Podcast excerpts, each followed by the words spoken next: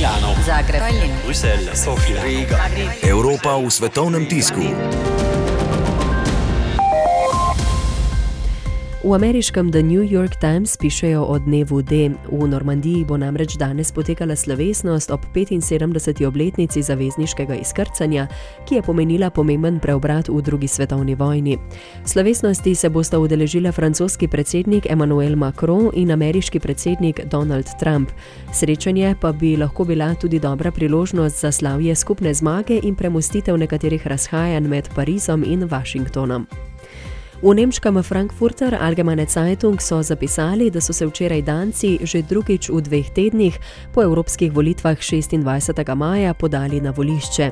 Tokrat so izvolili nov parlament, javnomnenjske raziskave so napovedovale zmago socialdemokratov in s tem zasuk države v levo in to se je tudi zgodilo, saj so socialdemokrati dobili 25 odstotno podporo.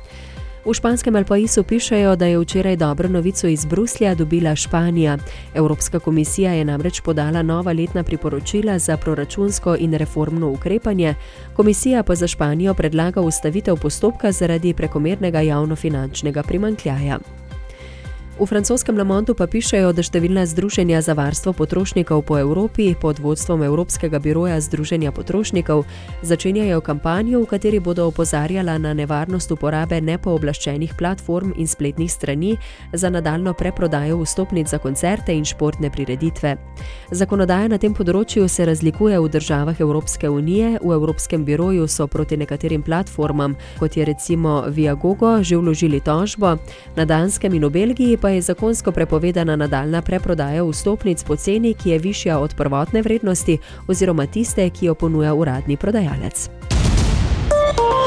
Milano, Zagreb, Bruselj, Sofija, Riga. Evropa v svetovnem tisku.